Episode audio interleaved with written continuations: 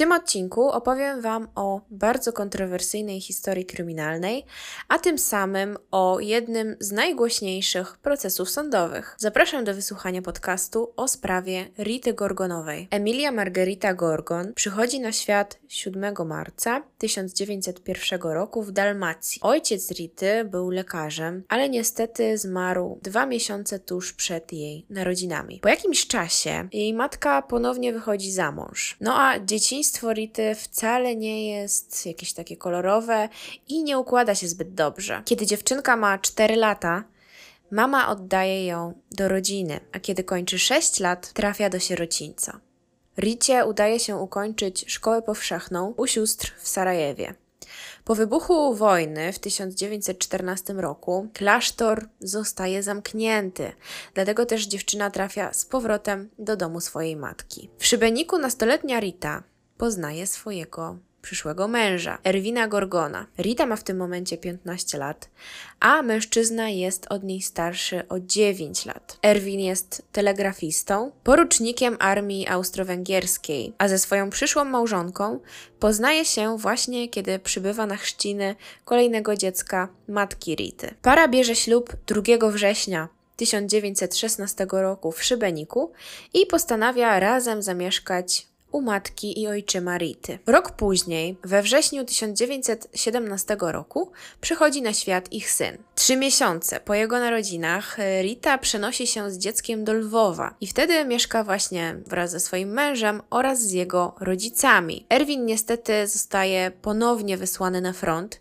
więc kobieta musi zostać sama z dzieckiem oraz ze swoimi teściami. Erwin wraca do domu dopiero pod koniec 1918 roku, no ale niestety nie zostaje znowu zbyt długo ze swoją rodziną, ponieważ praktycznie że od razu wyjeżdża do pracy, do pracy w urzędzie w Kamieńcu Podolskim. W 1921 roku, trzy lata później, Erwin Gorgon przyznaje się Ricie, że zaraził się syfilisem, a zaraził się najprawdopodobniej od żony jakiegoś admirała. W tym roku wyjeżdża również do Ameryki za pracą, a swojej żonie tłumaczy, że za jakiś czas, jak już się trochę wyleczy, Rita wraz z synkiem będą mogli się przeprowadzić i wspólnie z nim zamieszkać. W tym czasie kobieta dalej mieszka właśnie z rodzicami Erwina, ale ich stosunki znacznie, znacznie się pogarszają. Rodzina Erwina w pewnym momencie oskarża Ritę o to,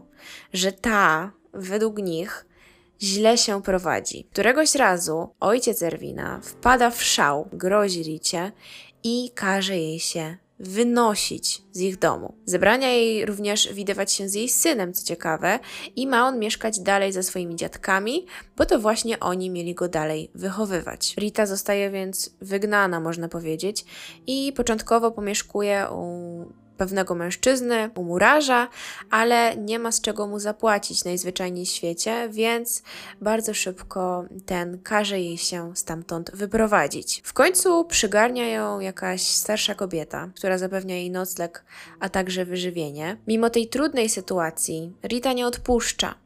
Ona bardzo chce zobaczyć się ze swoim synem i bardzo za nim tęskni. Dlatego też któregoś dnia zakrada się wręcz pod dom teściów, no ale właśnie ojciec Erwina zauważa ją i bardzo szybko ją stamtąd przegania, więc nie jest jej dane zobaczyć się ze swoim dzieckiem. W końcu mąż zupełnie przestaje odpisywać na jej listy. Rita nie wie nawet, gdzie on jest, czy w ogóle żyje i co się z nim tak naprawdę dzieje. Musi sobie dalej jakoś radzić, więc wpada na pomysł, żeby zapisać się na kurs dla pielęgniarek. Niestety, ale nie udaje się go ukończyć. Dlaczego? No dlatego, że nie ma pieniędzy, żeby za niego zapłacić. Dostaje za to jednak pracę w sklepie cukierniczym. W 1924 roku znajoma podpowiada kobiecie, że jest taki jeden znany architekt, który akurat potrzebuje kogoś do pracy. I nie chodziło tutaj o pracę w biurze architektonicznym, ale o opiekę nad jego dziećmi. 41-letni Henryk Zaręba mieszka w swojej willi w Brzuchowicach wraz ze swoją córką Elżbietą, na którą mówiono Lusia, i ze swoim synem Stanisławem. Henryk nie tak dawno rozstał się ze swoją żoną, można tak powiedzieć, ponieważ oficjalnie oni się nie rozwiedli, dlatego że żona architekta cierpiała od dłuższego czasu na chorobę psychiczną i w związku z tym trafiła do kliniki znajdującej się w Kulparkowie. Henryk potrzebuje więc kogoś, kto pomógłby mu w domu, kto pomógłby mu ten dom ogarnąć i kto zaopiekowałby się jego dziećmi. Sam zresztą dużo pracuje i nie za bardzo potrafi to wszystko ze sobą pogodzić. Rita decyduje się na tę pracę, przenosi się więc do willi w Brzuchowicach na stałe. I wszystko układa się bardzo dobrze. Dzieci są faktycznie dopilnowane, są odpowiednio zaopiekowane. Po jakimś czasie Henryk zaczyna spędzać coraz więcej czasu w domu rodzinnym i kobieta już wtedy zaczyna mu się podobać. Zresztą chyba ze wzajemnością. Mają coraz to bliższą relację, a w końcu nawiązuje się pomiędzy nimi romans spędzają razem noce. No, a Rita nie jest już teraz jedynie zwykłą opiekunką dzieci Henryka, stała się za to jego partnerką oraz panią domu. Henryk Zaręba opowiadał później, że chciał ten związek jakoś zapieczętować, skoro nie mogli wziąć ślubu. Podczas spaceru zaproponował Ricie, żeby poszli do kościoła, no i przed ołtarzem przysięgli sobie taką miłość do końca życia. Podobno Rita zapytała się go wtedy, co się stanie, jeśli kiedyś spodoba jej się ktoś inny. Tego, co zrozumiałam, nie doszło w końcu do tej ich przysięgi przed ołtarzem. Zaręba wspominał także, że naprawdę wiele osób myślało, że są oni małżeństwem, a sam nie zamierzał wyprowadzać ich z błędu i tłumaczyć każdemu z osobna tego wszystkiego, że żyją tak naprawdę w konkubinacie, więc temu nie zaprzeczał. Oficjalnie przecież ani Rita, ani Henryk nie byli wolni, nie mogli wziąć ponownie ślubu, no i blokowały ich te poprzednie związki małżeńskie, w których nigdy nie doszło do rozwodu. Zaręba natomiast wszystkim przedstawiał Ritę jako swoją panią. Sam Henryk Zaręba urodził się w 1883 roku w Nowym Sączu. Jest zdecydowanie starszy o swojej nowej partnerki, jest starszy od niej o 18 lat. W 1904 roku skończył Wyższą Szkołę Przemysłową w Krakowie na Wydziale Architektury i Budownictwa. W 1911 roku w Lwowie założył swoje własne biuro architektoniczne. Projektował na przykład pawilon targów wschodnich, dom emigranta polskiego, nadzorował także przebudowę dworca kolejowego. Jest raczej znaną postacią prezesem Izby Budowniczych, sekretarzem Koła Architektów, a także zasiada w Radzie Banku Budowlanego. W 1914 roku wziął ślub z Elżbietą, która to wniosła w posagu właśnie tę willę w Brzuchowicach. Tego samego roku, w 1914, urodziła im się córka Lusia, a trzy lata później przyszedł na świat ich syn, Stanisław. Henryk bardzo szybko zauważył u swojej żony jakieś takie dziwne zachowania. Ona zapominała o wielu ważnych rzeczach. Z czasem nie rozpoznawała nawet swojej rodziny. Aż wreszcie w 1923 roku, tak jak już wcześniej wspominałam, trafiła do zakładu zamkniętego. Rok po tych wydarzeniach Henryk poznaje Ritę Gorgonową. 14 kwietnia 1928 roku rodzi im się córka Romana, na którą mówią Romusia. Jeszcze przed urodzeniem Romusi stosunki Rity z córką Zaręby, z Lusią, są coraz gorsze. Ciągle się ze sobą o coś kłócą. I te konflikty, jak nie trudno się domyślać, odbijają się także na relacjach Rity z Zarębą, który zaczyna planować wyprowadzkę. Wyprowadzkę razem z dziećmi i zamieszkanie w swoim mieszkaniu w Lwowie. Gorgonowej oczywiście ten pomysł absolutnie się nie podoba. W 1931 roku jest już można chyba powiedzieć, że bardzo źle i wszystko się pomiędzy nimi psuje. Henryk praktycznie wcale się już do Rity nie odzywa, przestaje dawać jej nawet pieniądze na utrzymanie. Zresztą kobieta pisze do niego listy, bo ten już nie bywa w domu tak często jak kiedyś, a w listach tych żali się, Prosi przede wszystkim o to, żeby Henryk się zastanowił, żeby się jej nie pozbywał i nie wyganiał z jego domu. Oprócz tego przypomina mu, że mają przecież razem dziecko, że mała Romusia często pyta o to, gdzie jest tata, czemu do niej w ogóle nie przyjeżdża. Zdarza się nawet, że w tych listach mu grozi. Grozi mu, że jej córka to jej największy skarb i na pewno nie ma takiej możliwości, żeby to dziecko zostało razem z nim. Więc jeżeli Rita ma odejść, to odejdzie właśnie z Romusią. W nocy z środy na czwartek, z 30 na 31 grudnia 1931 roku, Henryka Zarębę budzi krzyk jego syna, Stanisława. Przestraszony biegnie w jego stronę, słysząc, że chłopak woła o pomoc. Czternastolatek chodzi po pokoju. Mówi, że Lusia została zabita. Henryk udaje się do pokoju dziewczyny, a tam widzi leżącą nieruchomo na łóżku zakrwawioną córkę. Wokół znajduje się mnóstwo krwi. Zaręba próbuje wycierać twarz córki. On wraz z synem robią co mogą, żeby tej Lusi jakoś pomóc. Próbują sztucznego oddychania, ale nie przynosi to niestety żadnego rezultatu, bo dziewczyna już w tym momencie nie żyje. Na miejsce przybiega również Rita Gorgonowa.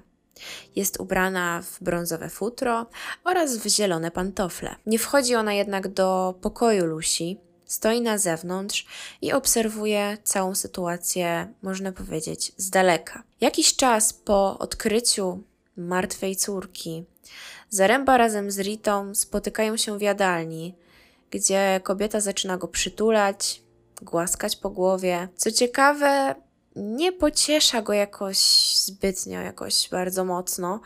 Mówi, żeby spróbował się uspokoić i że to, co się stało, już się nie odstanie. Trudno jest, przynajmniej ja mam takie wrażenie, zrozumieć, jak można powiedzieć coś takiego rodzicowi pogrążonemu w żałobie, który przed chwilą odnalazł ciało swojego dziecka. Rita budzi ogrodnika, Józefa Kamińskiego, żeby ten jak najszybciej otworzył jej bramę, a kiedy ten chce to uczynić, to okazuje się, że zniknął klucz, który wcześniej zawsze wisiał przy tej bramie. Kobieta jest więc zmuszona cofnąć się z powrotem do domu i wziąć zapasowy klucz. W końcu biegnie po lekarza, doktora Ludwika Tsali, który swoją drogą jest ich sąsiadem. Roztrzęsiona prosi go o pomoc jak najszybciej chce sprowadzić go do domu, żeby ten zobaczył oraz zadecydował, co z Lusią. Doktor próbuje znaleźć puls, ale niestety jest niewyczuwalny. Dziewczyna też nie oddycha, więc lekarz szybko stwierdza jej zgon. Zrozpaczony Henryk nie jest w stanie zrozumieć, co takiego właściwie wydarzyło się w jego własnym domu? Dlaczego zginęła jego ukochana córka? Jak to się stało? Spodziewa się jednak, że to nie była raczej śmierć naturalna i podejrzewał już tak naprawdę od razu, że ktoś musiał ją zabić. Henryk jedyne co może zrobić w takiej sytuacji to oczywiście zawiadomić policję. Dlatego też wysyła swojego ogrodnika Kamińskiego na najbliższy posterunek, aby zgłosić zabójstwo Lusi. Ogrodnik wybiera się tam wraz z synem Henryka Stanisławem. Udają się na posterunek żandamerii wojskowej, gdzie informują służby o tym, co stało się w willi w Brzuchowicach. W związku z tym zgłoszeniem dwóch wojskowych pojawia się na miejscu zdarzenia. Od razu po wejściu do domu Zaręby idą do pokoju, w którym ktoś najprawdopodobniej zamordował Lusia. Oświetlają sobie latarkami drogę do pokoju, a później całe to miejsce zdarzenia w poszukiwaniu jakichkolwiek śladów. Podejrzewają, że ktoś mógł włamać się do domu Zaręby, ale na tym etapie nie wiedzieli, jak ta osoba miałaby dostać się do środka. W pokoju Lucy jest uchylone okno, ale dochodzą do wniosku, że to okno jest po pierwsze dosyć wysoko, a po drugie ma niecałe 40 cm, dlatego też osoba dorosła nie mogłaby się w ten sposób przedostać do środka. Do tego musiałaby zostawić po sobie jakieś ślady butów, zadeptać śnieg, a na zewnątrz początkowo nic takiego nie zostało zauważone. Podobno znajdują mnie jednak małe, drobne ślady pozostawione wzdłuż wschodniej ściany budynku do basenu, który to znajdował się na posesji Zaręby. Później będą twierdzić, że były to ślady przypominające damskie pantofle. Nie zrobiono natomiast im żadnych zdjęć, a następnego dnia te ślady były już zasypane śniegiem. Ślady prowadziły dalej do piwnicy, która znajdowała się naprzeciwko basenu, a w piwnicy znaleziono z kolei zaplamioną krwią chusteczkę. Ślady zaprowadziły ich także dalej, do werandy, gdzie obok znajdował się pokój należący do Rity Gorgonowej. Zaręba uważa, że ten, kto zamordował jego córkę, najprawdopodobniej kierował się wzdłuż domu, obok werandy, gdzie następnie przeskoczył przez mur i uciekł. Cały ten mur ma wysokość jakichś dwóch metrów.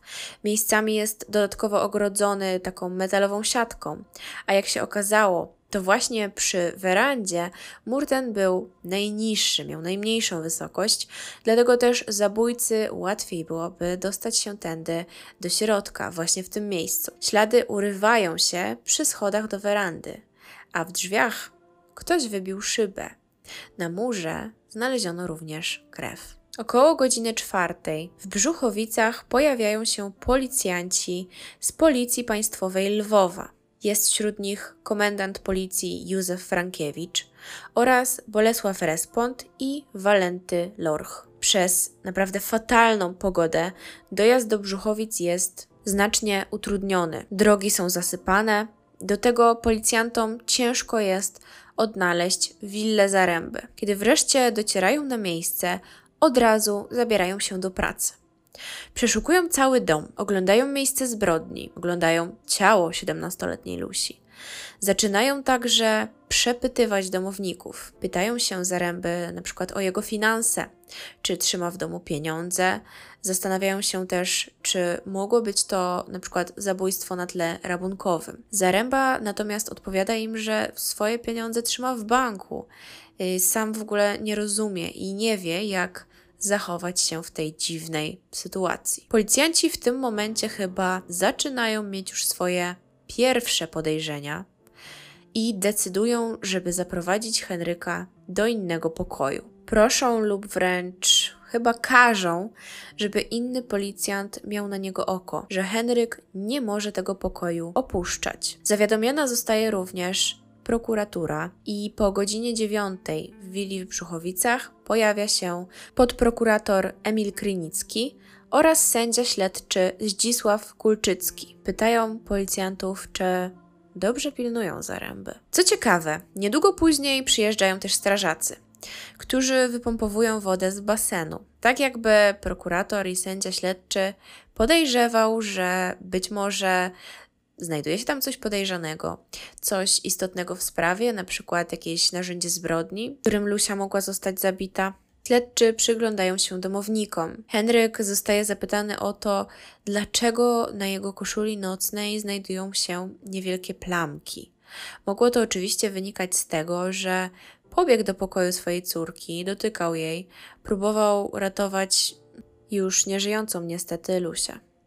Po południu przyprowadzają Zarębę do pokoju, w którym odnalazł córkę, myśląc, że przez to, mm, przez to zagranie nie wytrzyma może tego napięcia, może powie policjantom coś więcej, a może wyda mordercę, albo sam przyzna się do popełnienia tej zbrodni. Zaręba przytula swoją córkę, całuje ją, wcale nie chce wypuścić jej z rąk. Jest załamany, płacze, targają nim silne emocje. Do pokoju policjanci przyprowadzają również partnerkę Zaręby, Ritę, która jest za to nieco wycofana, stoi trochę z boku i tak przygląda się temu wszystkiemu. Prokurator Krynicki mówi jej wtedy, że jest to ostatni raz, kiedy widzi dziewczynę, to jest właściwy moment, żeby się z nią pożegnać.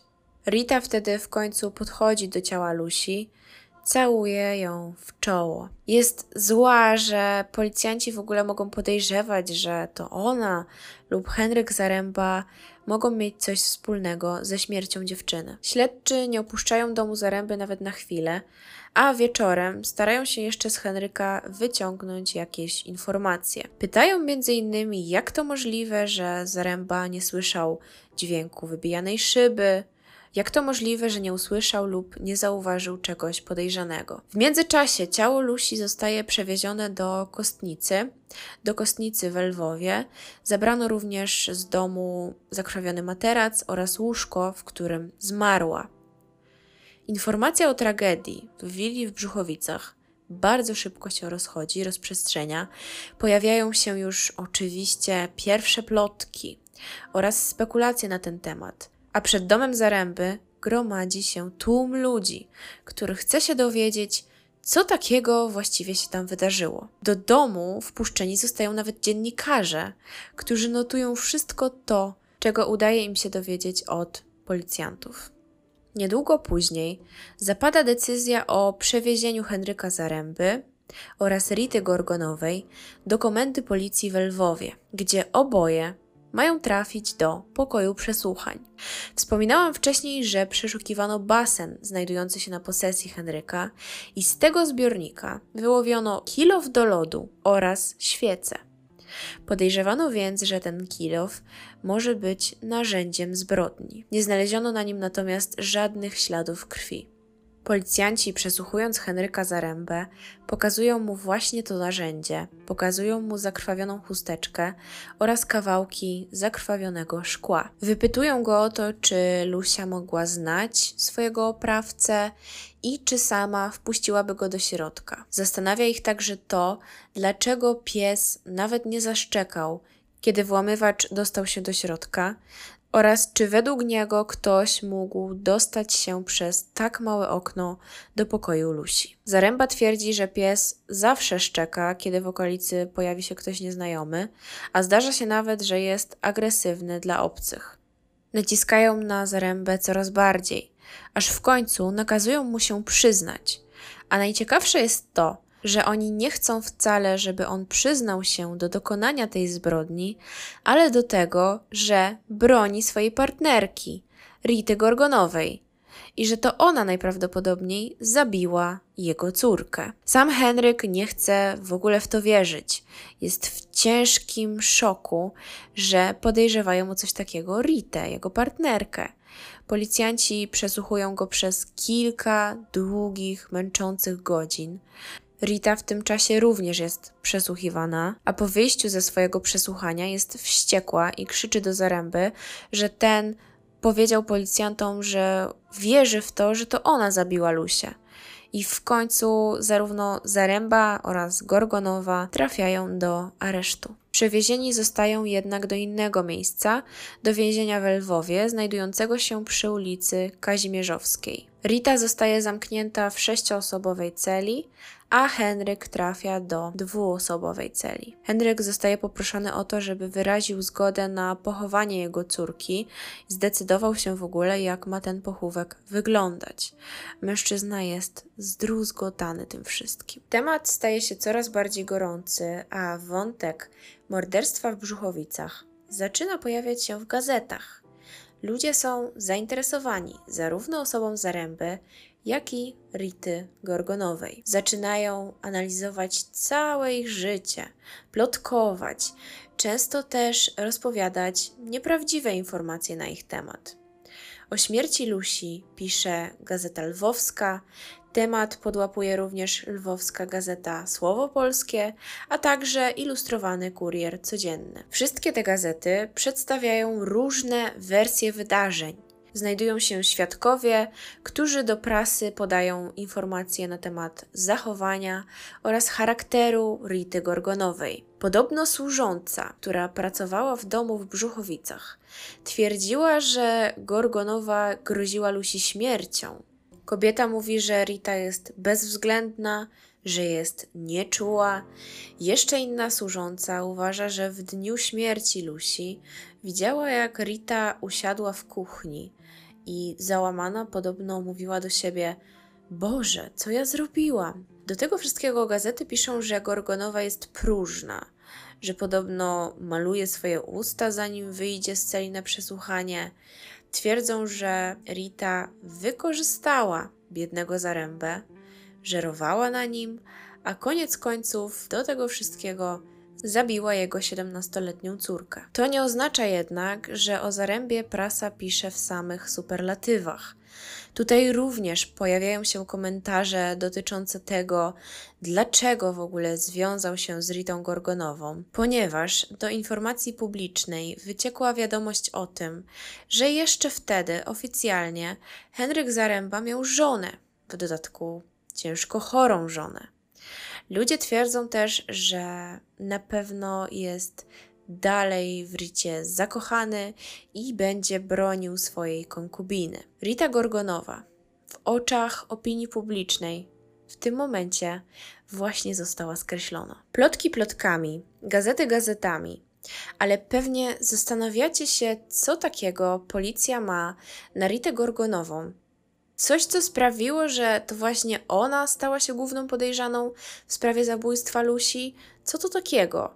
Jakie dowody udało się zebrać policjantom, które faktycznie świadczyłyby na jej niekorzyść? W raporcie z sekcji zwłok znajdowały się informacje o tym, że na czole denatki były liczne rany, rany o różnej długości. Po lewej stronie trzy rany drażniące do kości, Rana szczelinowata nad zewnętrznym odcinkiem łuku brwiowego, drążąca tylko przez skórę. Oprócz tego okazało się, że Lusia doznała obrażenia dróg rodnych, prawdopodobnie od wciśnięcia z dużą siłą czegoś do pochwy. Lekarz, który sporządził ten raport, stwierdził, że kształt oraz charakter tych obrażeń wygląda tak, jakby ktoś wcisnął palec prawdopodobnie w momencie, kiedy Lucia już nie żyła, albo kiedy była w stanie agonalnym. Cała jej twarz, uszy, włosy, plecy, wszystko to było zalane krwią. W pochwie nie znaleziono natomiast żadnych śladów męskiego nasienia. W związku z tym śledczy uważają, że wciśnięcie palca do pochwy Lusi miało w jakiś sposób zmylić policjantów i wskazywać na to, że zbrodnia ta została dokonana na tle seksualnym, co mogłoby odwrócić podejrzenia od prawdziwego sprawcy. Twierdzą, że Rita Gorgonowa sama uchyliła okno w pokoju Lusi po to, żeby upozorować włamanie. Po zabójstwie według nich natknęła się na psa i bojąc się, że ten zacznie hałasować, że zacznie szczekać, uderzyła go kilofem w łeb. Skomlenie wilczura natomiast obudziło Stanisława, który od razu chciał sprawdzić, co się dzieje, więc poszedł do pokoju Lusi. Wtedy też, według ich teorii, Gorgonowa pobiegła wzdłuż domu, zostawiła na chwilę kilof w piwnicy, a chcąc wrócić do środka, do siebie do pokoju, wybiła szybę w werandzie. Wybijając szybę, skaleczyła się w rękę. Zresztą na prawej ręce Gorgonowa ma ranę. Tłumaczy, że jest to rana od szklanki, którą potłukł zaręba. Oprócz tego mówi, że faktycznie zbiła szybę w momencie, kiedy wychodziła po wodę dla Lusi. Nadkomisarz Frankiewicz uważa, że wtedy, kiedy miała pobiec po lekarza i po wodę, Gorgonowa wzięła ze sobą narzędzie zbrodni, żeby się go pozbyć i wtedy wrzuciła je do basenu. W swojej sypialni przebrała się, a następnie brudną koszulę miała spalić w piecu. A o tym miało świadczyć to, że po przyjechaniu policji na miejsce zdarzenia Rita miała na sobie białą koszulę, a według zeznań Stasia, który miał widzieć Ritę przechodząc obok jej sypialni, miała wtedy na sobie koszulę nocną koloru selednowego. W piecu znalezione zostały ślady nafty. Podobno też od Rity czuć było ten charakterystyczny zapach. Policjanci zadają jej także pytania o to, dlaczego poszła po wodę do basenu, skoro woda była w kuchni, a podobno woda była też w pokoju Lusi. Pantofle Gorgonowej były mokre, a pod nimi znajdowały się jakieś rdzawe ślady. Na podszewce i futra odnalezione zostały ślady kału. Na podłodze w pokoju, gdzie doszło do zbrodni, również odnaleziono kał. Według policjantów, podejrzana po zamordowaniu dziewczyny, kiedy wyszła z pokoju, była w tak silnych emocjach, że słaniała się ze schodów, aż w pozycji stojącej, zupełnie bezwładnie, się wypróżniła. Rita twierdzi, że załatwiła się na dworze ze względu na zepsutą toaletę i stąd mogły pojawić się zabrudzenia. Krew zostaje poddana analizie. Okazuje się, że Gorgonowa ma grupę krwi 0, natomiast zamordowana Lusia ma grupę krwi A. Nie znaleziono śladów krwi Lusi w pokoju Rity, ani na jej koszuli, ani na jej biustonoszu. Jednak znaleziono drobne ślady krwi znajdujące się na jej futrze. Ustalono, że ktoś próbował tę krew wytrzeć, ale nie do końca mu się to udało. Co najciekawsze, okazuje się, że krew znajdująca się na futrze Rity to krew z grupy A. Stąd też śledczy wyciągają taki wniosek, że Rita Gorgonowa znajdowała się w pokoju Lusi w momencie jej śmierci. Kiedy mija tydzień od zabójstwa dziewczyny, policjanci wracają do domu w Brzuchowicach. Odnajdują jeszcze wtedy resztki zaschniętej krwi na pękniętej szybie w domu ogrodnika, tam, gdzie pukała feralnej nocy Gorgonowa. Ale była to zbyt mała ilość, żeby tę krew przebadać oraz żeby ustalić jej grupę. 4 stycznia 1932 roku w Lwowie odbywa się pogrzeb zamordowanej Elżbiety Zarębianki. Msza pożegnalna ma miejsce w kościele Bernardynów. Na ten pogrzeb przychodzi tłum ludzi. Nawet przed kościołem panuje jeden wielki ścisk. Niektórzy są pogrążeni w żałobie, smutku, nie rozumieją całej tej sytuacji, ale znajdą się też takie osoby, które na tę uroczystość przychodzą jedynie z czystej ciekawości. Pojawiają się też ludzie mieszkający na drugim końcu miasta. Reporter Słowa Polskiego oszacował, że tego dnia w uroczystościach pogrzebowych mogło uczestniczyć nawet 10 tysięcy osób.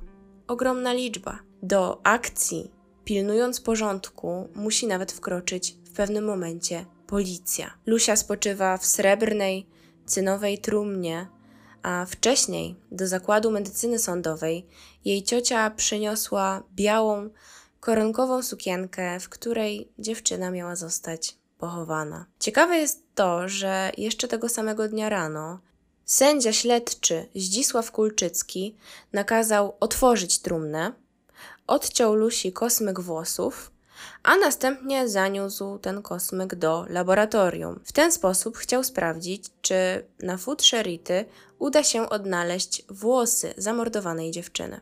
Elżbieta Zarębianka zostaje pochowana na cmentarzu Łyczakowskim. W miejscu jej spoczynku znajduje się dębowy krzyż, na którym widoczna jest tabliczka z napisem: Tu spoczywa Elżunia Zarębianka, zmarła tragiczną śmiercią w 17 wiośnie życia. Przebadane zostają włosy pobrane od Elżbiety oraz włosy Rity Gorgonowej, ale nie udaje się w sposób jednoznaczny określić, czy włosy Lusi mogły znajdować się na futrze Gorgonowej.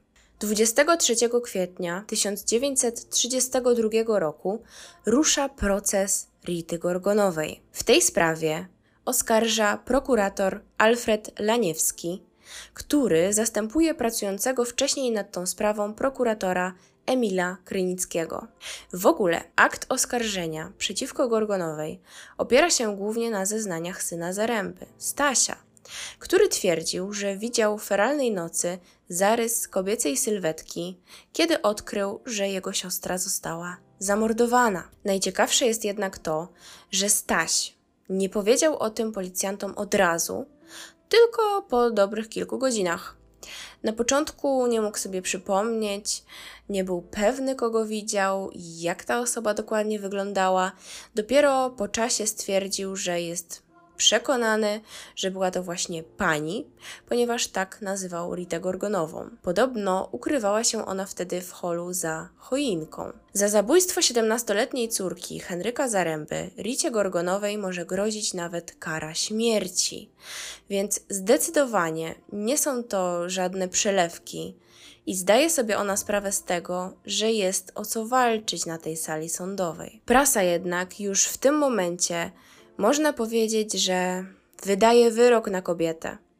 Większość osób jeszcze przed rozpoczęciem pierwszej rozprawy, przed rozpoczęciem procesu, jest przekonana, że zakończy się on wyrokiem skazującym. Myślę, że warto tutaj wspomnieć, że prokuratura nie ma aż tak mocnych dowodów przeciwko kobiecie, mają dużo poszlak, ale też domysłów na temat tego, co się stało w domu w Brzuchowicach.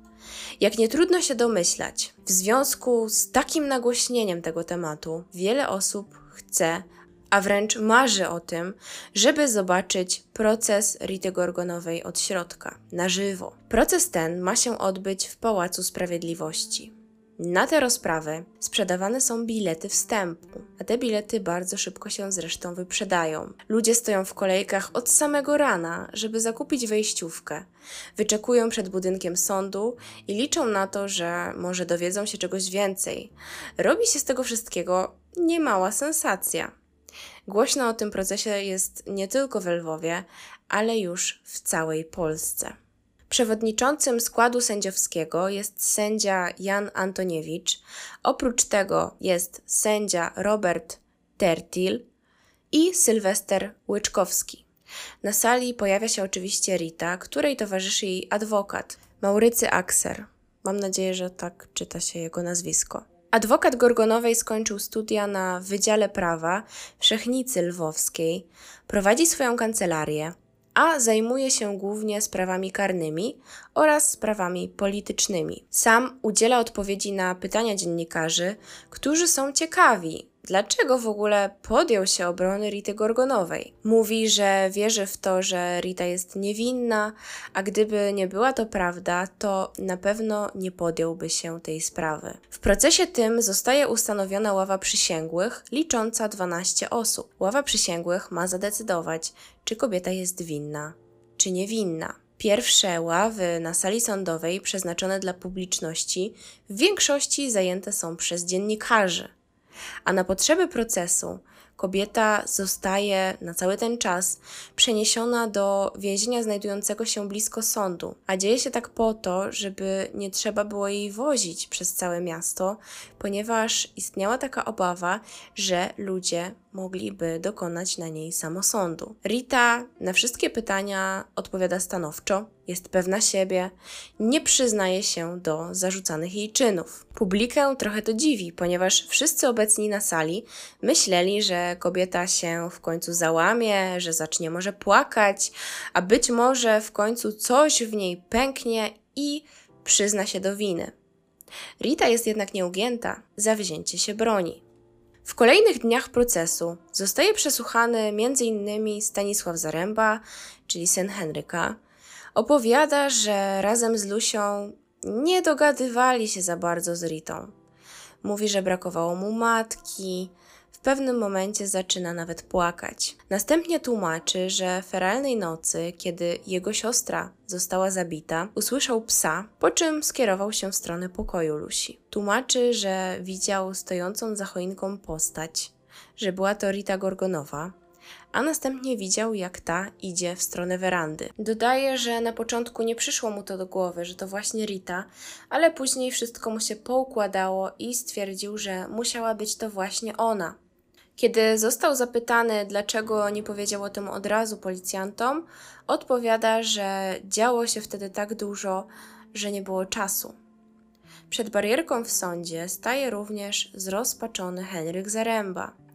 Płacze podczas składania swoich zeznań, opowiada cały przebieg wydarzeń jak to wszystko wyglądało z jego perspektywy.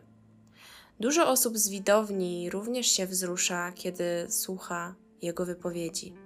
Zeznaje także żona jednego z ogrodników, który kiedyś pracował w willi w Brzuchowicach, i żona ta twierdzi, że Rita podobno sama kiedyś jej powiedziała, że prędzej zastrzeli Henryka niż opuści ten dom. Zeznania składa także doktor, który jako pierwszy pojawił się w domu Zaręby i który stwierdził zgon jego córki.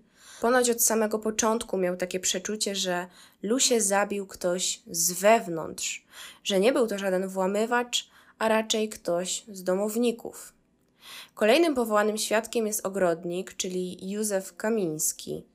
Obrońca Gorgonowej sądzi, że to on, jest według niego podejrzany w sprawie zabójstwa Lusi. Przedstawia przed sądem swoją teorię, która miała świadczyć na niekorzyść ogrodnika. Adwokat twierdzi, że zbrodni tej nie mogła dokonać kobieta, ponieważ kobieta nie miałaby na tyle siły, żeby zadać aż tak mocne ciosy. Poza tym opowiada, że mogła być to zbrodnia właśnie na tle seksualnym.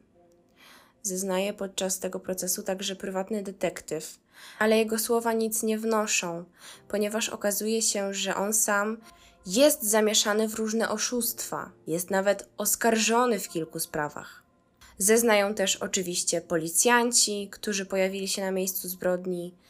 Na niekorzyść oskarżonej zeznają były pracownicy Zaręby, które tłumaczą, że Rita nie znosiła Lusi i wiele razy narzekała na nią, a mało tego, podobno nawet jej groziła. Podczas procesu zostają ukazane dowody rzeczowe, dowody, czyli wyłowiony z basenu kilow do lodu, koszula nocna gorgonowej oraz zakrwawiona chusteczka. 28 kwietnia 1932 roku sądowa komisja wraz z oskarżoną Ritą Gorgonową udaje się do domu w Brzuchowicach. Pod willą oczywiście ustawia się tłum zaciekawionych ludzi, ale też takich, którzy chcieliby dokonać linczu na Gorgonowej. Podobno wieczorem, kiedy odwożono ją z powrotem do aresztu, tłum kobiet rzucał w konwój kamieniami i wszystkie szyby zostały wybite, ale y, Ricie nic się nie stało. Jeżeli chodzi o argumenty obrony, które mogłyby jeszcze podważyć zarzuty prokuratora, to adwokat zwrócił uwagę na to, że na oknie ogrodnika Kamińskiego znalezione zostały ślady krwi, ale Ślady te odkryte zostały dopiero 8 stycznia, czyli ponad tydzień po morderstwie Lusi, a po tylu dniach w takich warunkach pogodowych nie udało się już ustalić grupy tej krwi, no i też no nie nadawały się te ślady już. Obrońca wnosi o przeprowadzenie badań psychiatrycznych zarówno Rity Gorgonowej, jak i Stasia Zaręby, którego zeznania obciążają jego klientkę. W dalszym ciągu przekonuje, że była to zbrodnia dokonana na tle seksualnym. Do tego wszystkiego jeden z powołanych biegłych w tej sprawie najpierw twierdzi, że możliwe jest, żeby narzędziem zbrodni był właśnie znaleziony w basenie kilow do lodu, ale po jakimś czasie zmienia zdanie i mówi wtedy, że raczej nie jest to prawdopodobne i nie jest prawdopodobne to, żeby tym kilofem zabito Lusię. Ten sam biegły podważa badanie krwi na futrze gorgonowej, mówi, że wykorzystana w tym przypadku metoda badania jest niedokładna, a do tego dodaje, że zbrodni tej mógł dokonać mężczyzna. Inny biegły, profesor, również stwierdza, że dopuścił się tej zbrodni raczej mężczyzna, a nie kobieta. Gazety oczywiście relacjonują każdy dzień procesu. Początkowo wszyscy wierzą w winę Gorgonowej i w to, że wyrok będzie jednoznaczny. Natomiast po tych różnych odkryciach, nieścisłościach, argumentach ze strony obrony i zeznań biegłych, nikt już tak naprawdę nie jest w 100% przekonany do tego, jaki będzie ten wyrok. Pojawiają się też osoby, które przyznają, że służąca, która pracowała u Zaręby, mogła kłamać i że zdarzało jej się koloryzować niektóre sytuacje. Do Warszawy zostaje wysłane futro gorgonowej, chusteczka, a także inne dowody, które zawierały krew. I do tych badań użyto już metody bardzo czułej, za pomocą której udaje się ustalić, że w krwi znajdującej się na futrze kobiety nie znaleziono elementu z grupy A. 14 maja 1932 roku zarówno prokurator, jak i adwokat wygłaszają swoje mowy końcowe. Na sam koniec kilka słów dodaje od siebie również oskarżona Rita Gorgonowa. Płacze, przysięga, że jest niewinna, a sama stała się również ofiarą w całej tej sytuacji. Przysięgli udają się na naradę, z której wracają bardzo szybko, bo po zaledwie kilkunastu minutach. To było coś około 20 minut. Ława przysięgłych uznaje Ritę Gorgonową za winną zabójstwa Elżbiety Zarębianki, dziewięciu uznaje ją za winną, natomiast pozostała trójka ma jednak gdzieś tam jakieś wątpliwości. W tym momencie sąd ma zdecydować, na jaką karę zasłużyła Rita, jaką karę powinna dostać za to morderstwo. Ostatecznie sąd skazuje Ritę Gorgonową na karę śmierci poprzez powieszenia. W związku z tym wyrokiem obrońca kobiety składa do sądu skargę kasacyjną. Adwokat Gorgonowej ma pomocnika, 40-letniego mecenasa Mieczysława Ettingera. Powołują się oni na to, że podczas procesu naruszone zostały przepisy, a mianowicie odrzucane były wnioski obrony, m.in. te o badania psychiatryczne Rity i Stasia. Nie dopuszczono także świadka obrony, czyli artysty, który twierdził, że nocą po ciemku nie da się odróżnić koloru białego od koloru seledynowego, a miało to świadczyć na korzyść oskarżonej, która twierdziła, że zarówno w białej koszuli położyła się spać i w białej koszuli również wstała. Podczas tego procesu nie sprawdzono dokładnie jeszcze jednej ważnej kwestii. Okazało się, że w 1929 roku Józefa Neuwerówna została zamordowana i zgwałcona, a sprawca tej zbrodni nie został odnaleziony. Maurycy Akser sądzi, że zarówno ona, jak i córka Zaręby zginęły w podobny sposób, więc mogą być ofiarami tego samego sprawcy. Biegli jednak uznali, że nic tych dwóch spraw nie łączy. Do tego kilka lat wcześniej doszło do podobnych morderstw niedaleko willi w Brzuchowicach, a Kilow do lodu zaginął jeszcze przed świętami, więc być może wtedy w jakiś sposób znalazł się w basenie. I niekoniecznie jest to narzędzie zbrodni. Rita Gorgonowa jest w ciąży. Ta informacja zostaje przekazana do informacji publicznej pod koniec procesu, a kilka miesięcy później, po 22 września 1932 roku, przychodzi na świat jej kolejne dziecko, córka, Ewa. Henryk Zaręba nie przyznaje się jednak do bycia ojcem tego dziecka chociaż Rita twierdzi, że to właśnie on jest ojcem.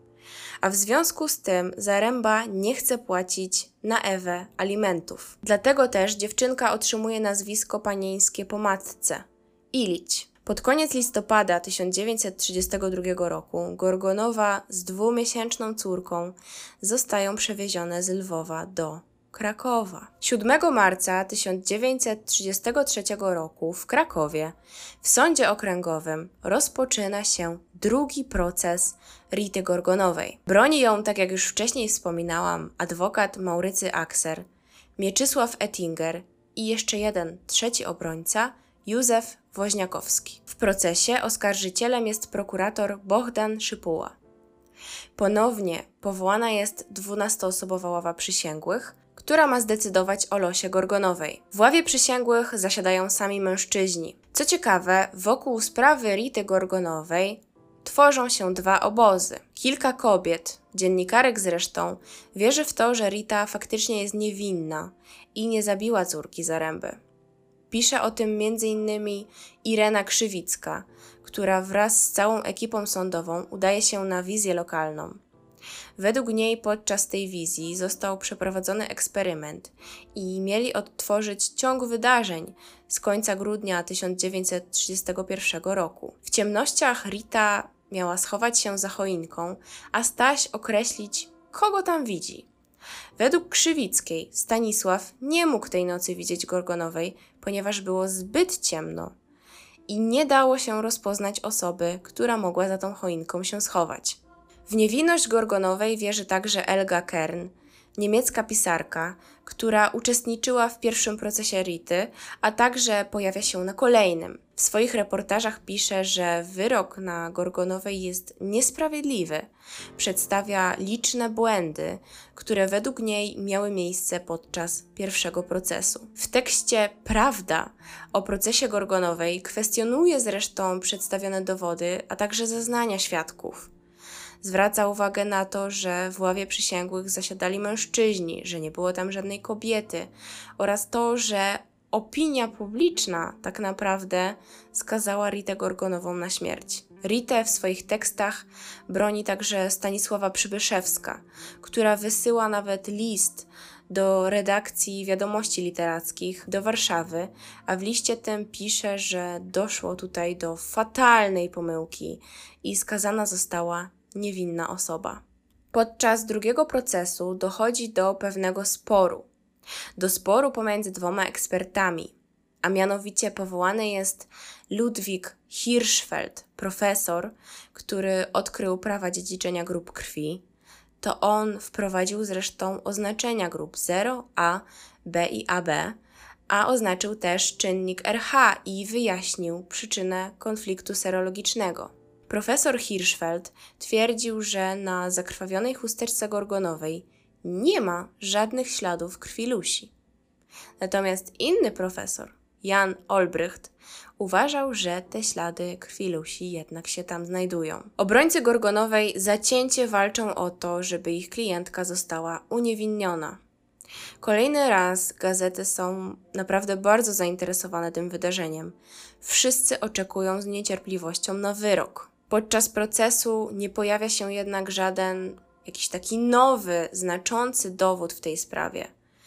Irena Krzywicka przeprowadza jedyną tak naprawdę rozmowę z Ritą po jednej z rozpraw i Gorgonowa na jej pytania odpowiedziała, że jest jej już tak w ogóle wszystko jedno, że chce, żeby to już jak najszybciej się skończyło, a oprócz tego dodaje, że sama nie wie, kto mógłby zabić córkę Zaręby i nie chce nikogo wskazywać ani podejrzewać. Obrońca Gorgonowej podważa również teorię śledczych o tym, że znaleziony kał na miejscu zbrodni należał faktycznie do oskarżonej. Nie zrobiono w tym kierunku żadnych bardziej szczegółowych badań, a według adwokata równie dobrze mogły być to na przykład odchody psa, a Rita w jakiś sposób mogła się nimi zabrudzić. Podczas wizji lokalnej Staś nie rozpoznaje również koloru koszuli gorgonowej.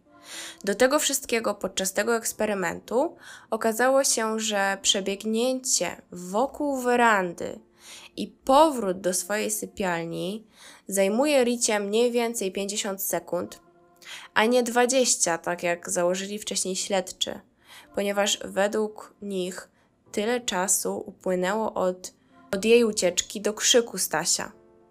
Sam Henryk Zaręba twierdził, że biegnąc do pokoju swojej córki, kątem oka widział Ritę w swoim pokoju, leżącą pod kołdrą. W ogóle, tak jak już mówiłam wcześniej, same zeznania Stasia dotyczące tej nocy zmieniały się, bo nie był początkowo pewny, czy widział ją, czy jego. Później mówił, że była to postać podobna do Gorgonowej, a dopiero po jakimś czasie stwierdził, że to na pewno ona i że to ją widział tej nocy. Sąd skazuje Ritę Gorgonową na 8 lat pozbawienia wolności za zabójstwo młodej zarębianki, a swoją decyzję uzasadnia tym, że Rita działała pod wpływem silnych emocji, pod wpływem wzburzenia. Po ogłoszeniu wyroku Gorgonowa wraz z córką zostaje przewieziona do więzienia w Fordonie, znajdującego się pod Bydgoszczą. Dziewczynka zostaje umieszczona w żłobku, ale często może spędzać czas w jej więziennej celi. W więzieniu Ritę odwiedza jedynie jej adwokat, który, co ciekawe, podczas tych dwóch procesów bronił jej całkowicie za darmo. Obrońca składa wnioski o apelację i skrócenie kobiecie kary więzienia. Córka Gorgonowej, Ewa, mogła pozostać z nią w więzieniu tylko przez rok, dlatego też Rita martwi się o jej dalsze losy, o to, co się z nią stanie, kto się nią zaopiekuje. W końcu po upływie tego roku dziewczynka trafia do sierocińca na obrzeżach Lwowa. Kiedy Ewa ma jakieś 4 lata, zakonnice, które sprawują nad nią opiekę, wiozą ją do więzienia na spotkanie z mamą. Po tym spotkaniu Ewa wysyła mamie rysunki, a Gorgonowa pisze do niej listy, które później czytają jej zakonnice. Po wojnie, pod koniec lat 40., Ewa zaczyna szukać swojej matki a w 1954 roku postanawia podjąć naukę w szkole pielęgniarskiej we Wrocławiu. Wcale nie chce za to szukać swojego ojca, ale niektórzy ją do tego przekonują. Niestety, nawet jeżeli Ewa zdecydowałaby się teraz na spotkanie z Zarębą, to już do tego spotkania dojść nie może, ponieważ Henryk Zaręba jest w szpitalu i umiera tam 26 czerwca 1954 roku na zawał serca. Rita Gorgonowa 3 września 1939 roku wychodzi z więzienia, ponieważ dochodzi do amnestii i darowana została jej reszta kary. Początkowo mieszka w schronisku dla uchodźców w Warszawie, potem przenosi się do klasztoru sióstr Nazaretanek. Rita w tym momencie ma 38 lat. Nie wie, co dzieje się z jej córkami. Nie ma nikogo, kto mógłby jej jakoś pomóc. Do tego nie ma żadnych pieniędzy. Jedzie do domu Zaręby na Żoliborzu, gdzie otwiera jej jego druga żona. Chce zobaczyć swoją córkę, Romusię, lecz podobno ta na jej widok mówi: Ja nie mam matki. Widziana jest również w 1941 roku w warszawskim sądzie, ponieważ kobiety zamieszkujące ten sam przytułek co Gorgonowa oskarżają ją o kradzież torebki. Żadna z nich, co prawda, nie ma dowodów na poparcie tej teorii, nikt jej nie widział z tą torebką, ani nic w tym stylu, ale kobiety od razu stwierdziły, że tej kradzieży musiała dokonać Gorgonowa. W tym przypadku sąd uniewinnia Ritę, a ta postanawia wyjechać z Warszawy.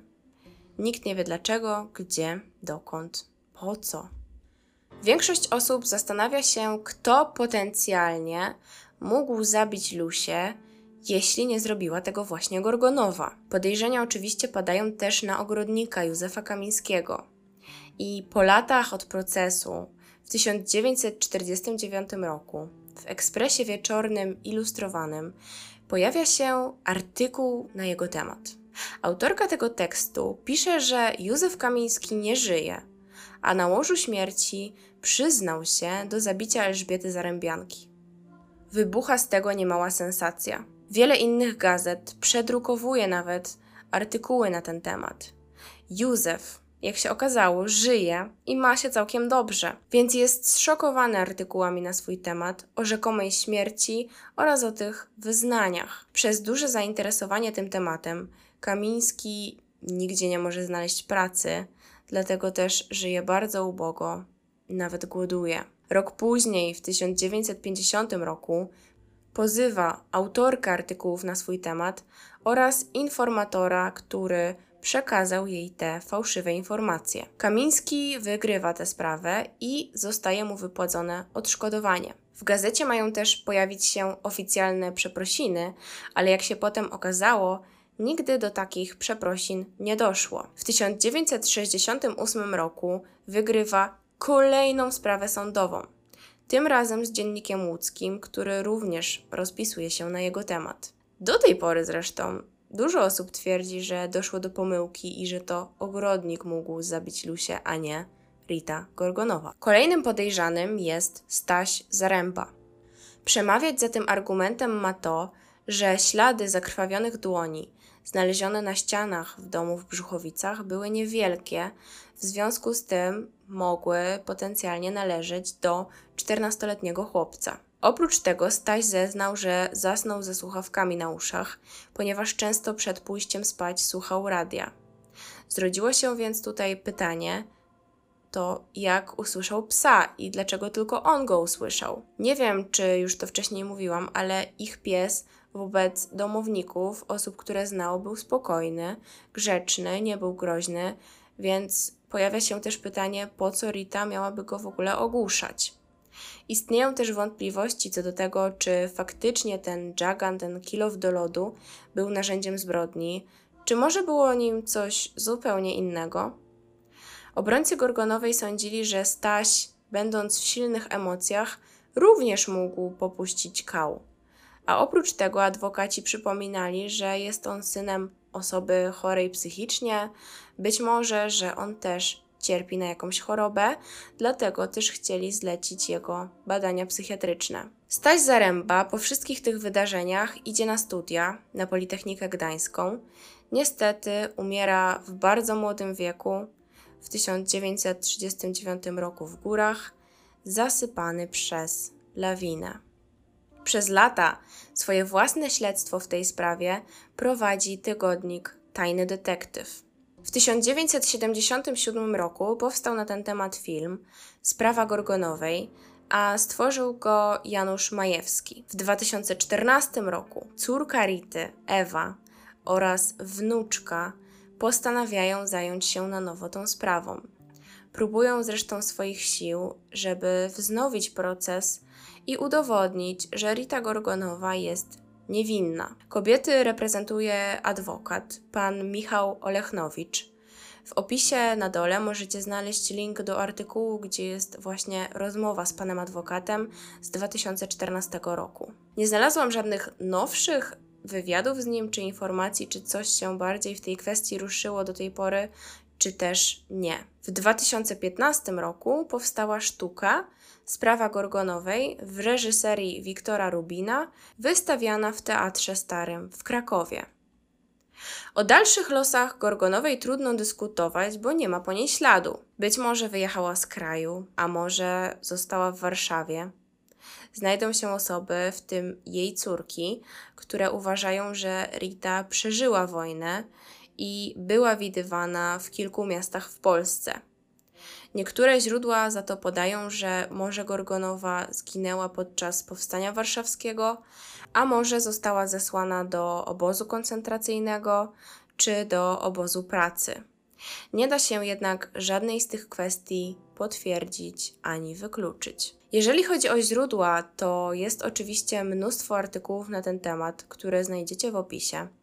Opierałam się też na bardzo ciekawej książce. Jest to książka Cezarego Łazarewicza pod tytułem Koronkowa robota Sprawa Gorgonowej. Serdecznie polecam Wam przeczytanie tej książki, bo jest tam mnóstwo, mnóstwo szczegółów. Udało się też dotrzeć do Romusi i do krewnych Gorgonowej. Naprawdę wciągający i dogłębny reportaż. Specjalnie nie słuchałam żadnych podcastów dotyczących tej sprawy, bo nie chciałam się tutaj niczym sugerować. Muszę przyznać, że według mnie jest to historia niesamowita, pełna zwrotów akcji, a momentami wręcz nieprawdopodobna i aż ciężko uwierzyć, że wszystko to faktycznie się wydarzyło. To już wszystko na dzisiaj z mojej strony. Myślę, że ten odcinek i tak wyszedł już bardzo długi. Odsyłam Was jak zwykle do opisu, a jeżeli chcecie zrobić mi tę przyjemność, to zasubskrybujcie proszę mój kanał na YouTubie i zostawcie łapkę w górę. Będzie mi bardzo miło. Zapraszam Was również na mojego Instagrama, Niewinny Podcast. W ostatnim odcinku wspominałam, że chciałabym publikować regularnie, ale jak zwykle coś pokrzyżowało mi plany. Najpierw studia, potem choroba, jeszcze chyba wydaje mi się, że słychać, że jestem jeszcze trochę przeziębiona. Nie będę dlatego podawać jakichś konkretnych terminów nowych podcastów. Będę je dodawać w miarę przez duże M regularnie, na tyle, na ile jest to po prostu możliwe. Dziękuję Wam za uwagę. Do usłyszenia w następnym odcinku. Cześć!